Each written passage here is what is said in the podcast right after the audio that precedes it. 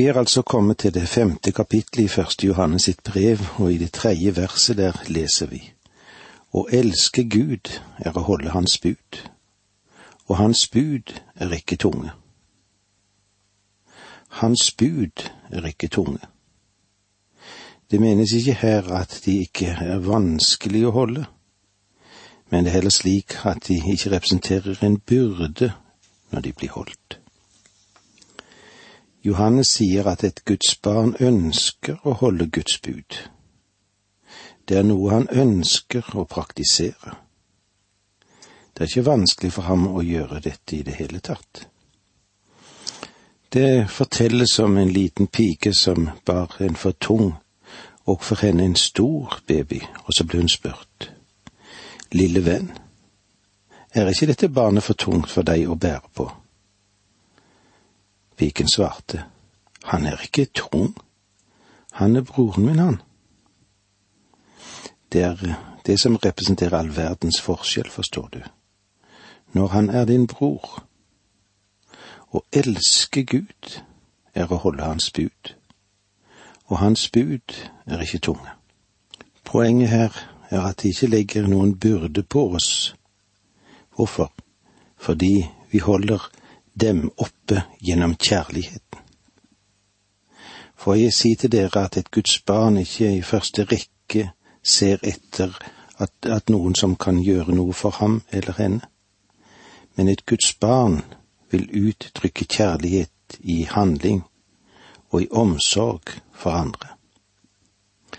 Har dere kjærlighet til hverandre, da skal alle kunne se at dere er mine disipler slik som det står i Johannes 13, 35. Om du elsker den Herre Jesus, om du elsker den himmelske Far, så vil du også elske de andre troende. Du vil erkjenne at du holder Hans bud, og de skal ikke være noen byrde for deg i det hele tatt. Jesus sa det slik i Matteus 11, 30. For mitt åk er ganglig, og min byrde er lett. Det vil bli tungt om du ikke har den virkelige kjærligheten for Herren, og at du i sannhet ønsker å tjene Ham. Men har du den, så vil arbeid i menigheten, i samfunnet og andre tjenester aldri være noen stor plage for deg. Dere fortalte i en følgende historie, det er en tid tilbake dette. Det var om en mann som hadde tilbrakt fem måneder i India. Da han kom tilbake, fortalte han om sine erfaringer til noen venner. Han eh, var sammen med de en sen kveldsstund. Og så kom samtalen også inn på misjonærene.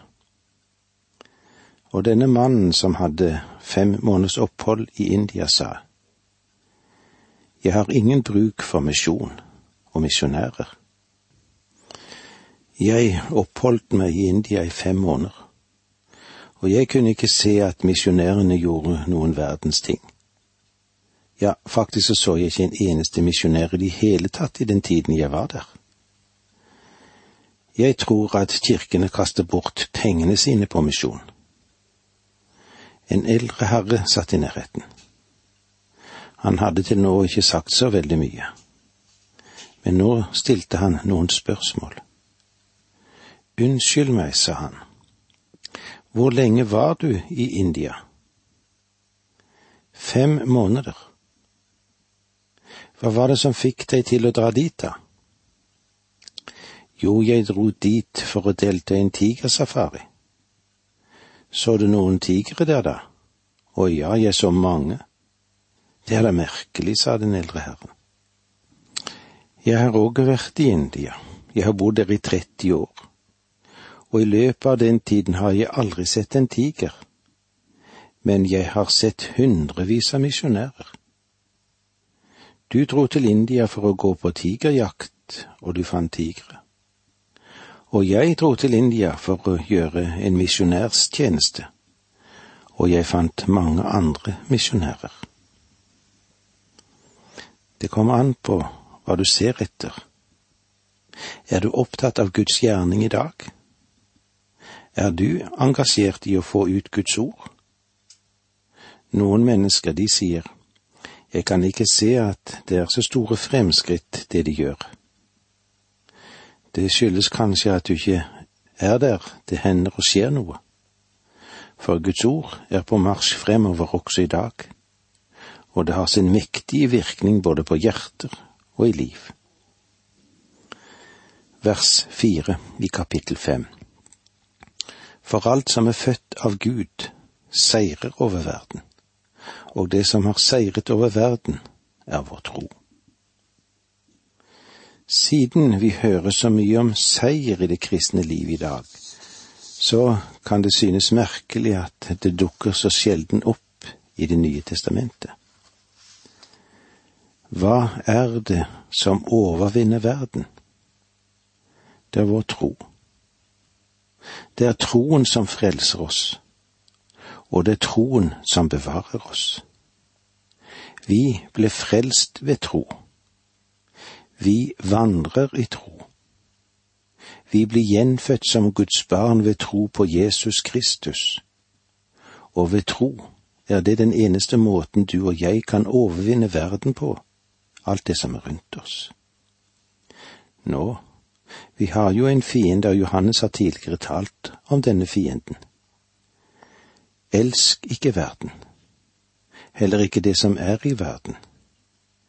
Den som elsker verden, har ikke kjærlighet til Faderen i seg, står det i Johannes 2,15. I denne verden finnes det så mye som er av kjødet, det som er av verden, og det som er av djevelen. Som troende er vi i verden, men det var ikke meningen at vi skulle være den. Den verden du og jeg lever i, den er stor og den er smålig, og den er vond.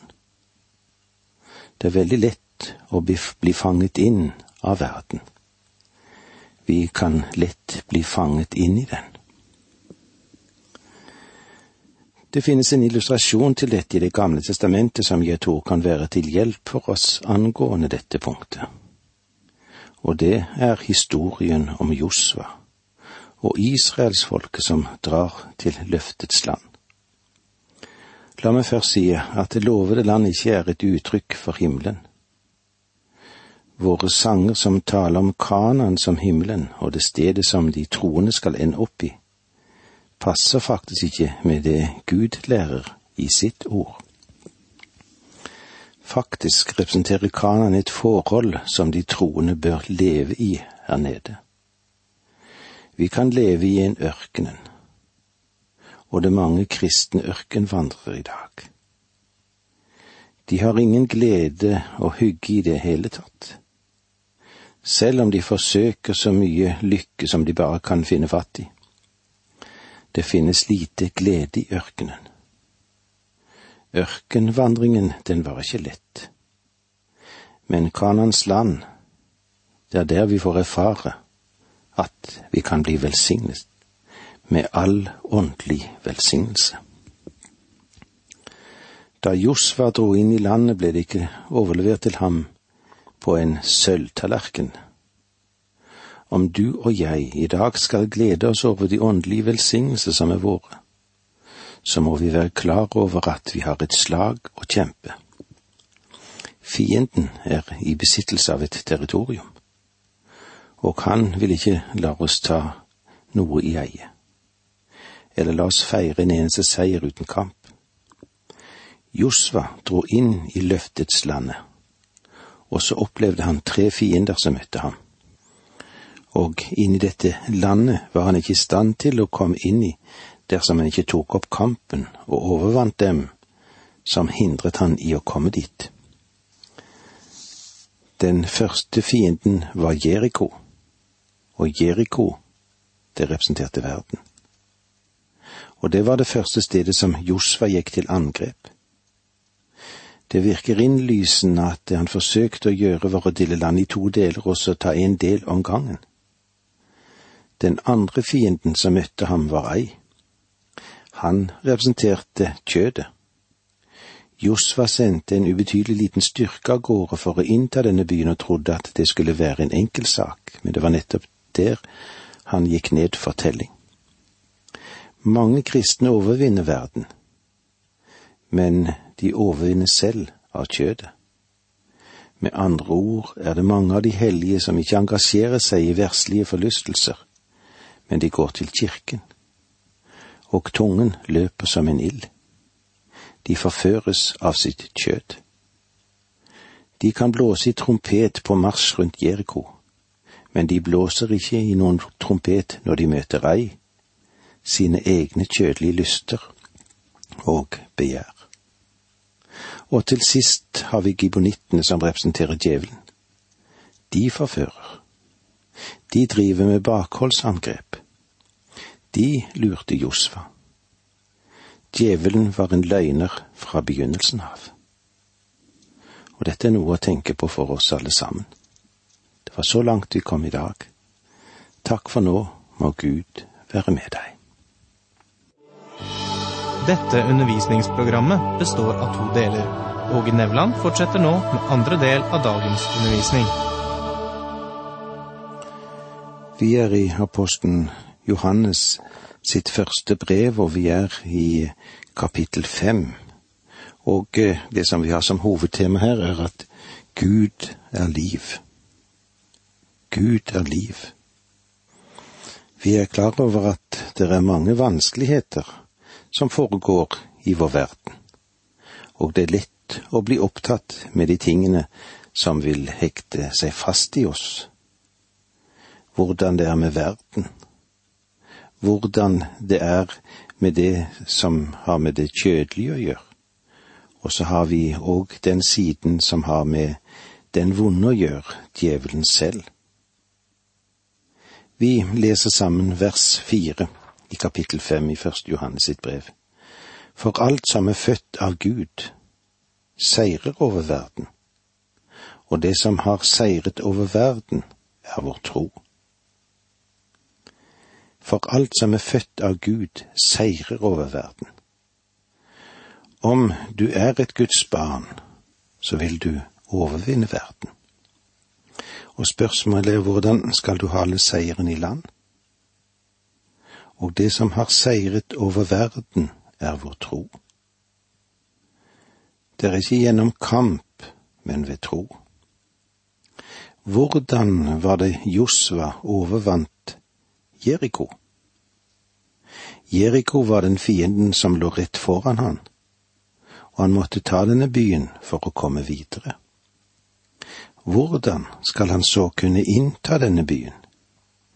Ved å bekjempe den? Han kjempet ikke i det hele tatt. Men Gud fortalte ham hva han skulle gjøre. Gud sa, Jeg vil ikke at du skal gå til direkte angrep på byen. Jeg vil ikke at du skal bruke rambukker og forsøke å knuse portene.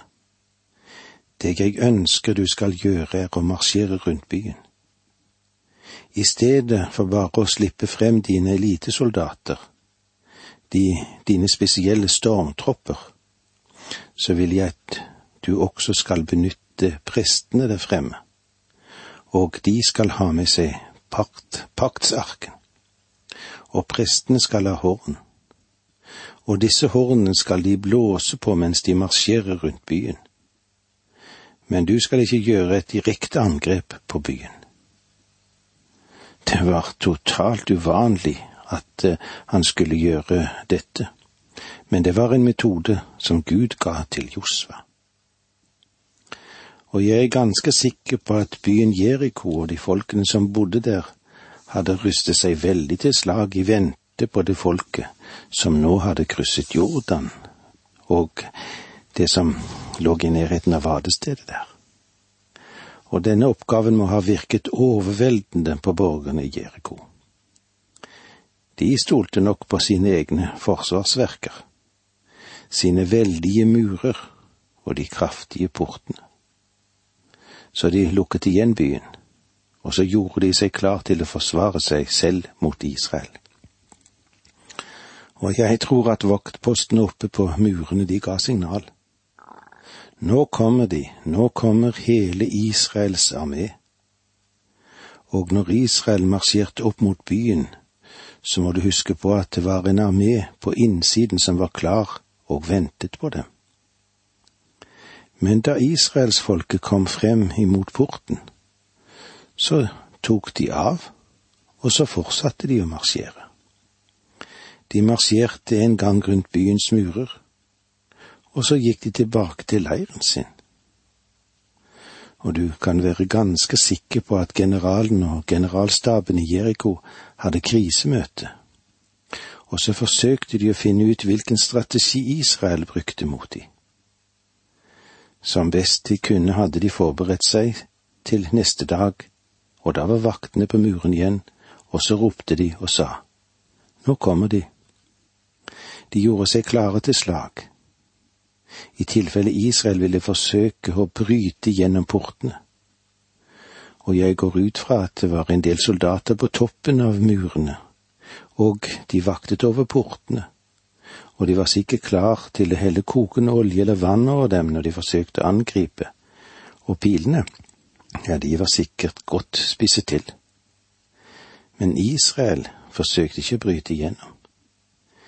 De marsjerte ganske enkelt rundt byen igjen, og dette gjentok de i seks dager. Da tiden var gått, var hærledelsen omtrent revet til vanvidd. De skjønte ikke hva i all verden det var som fant sted.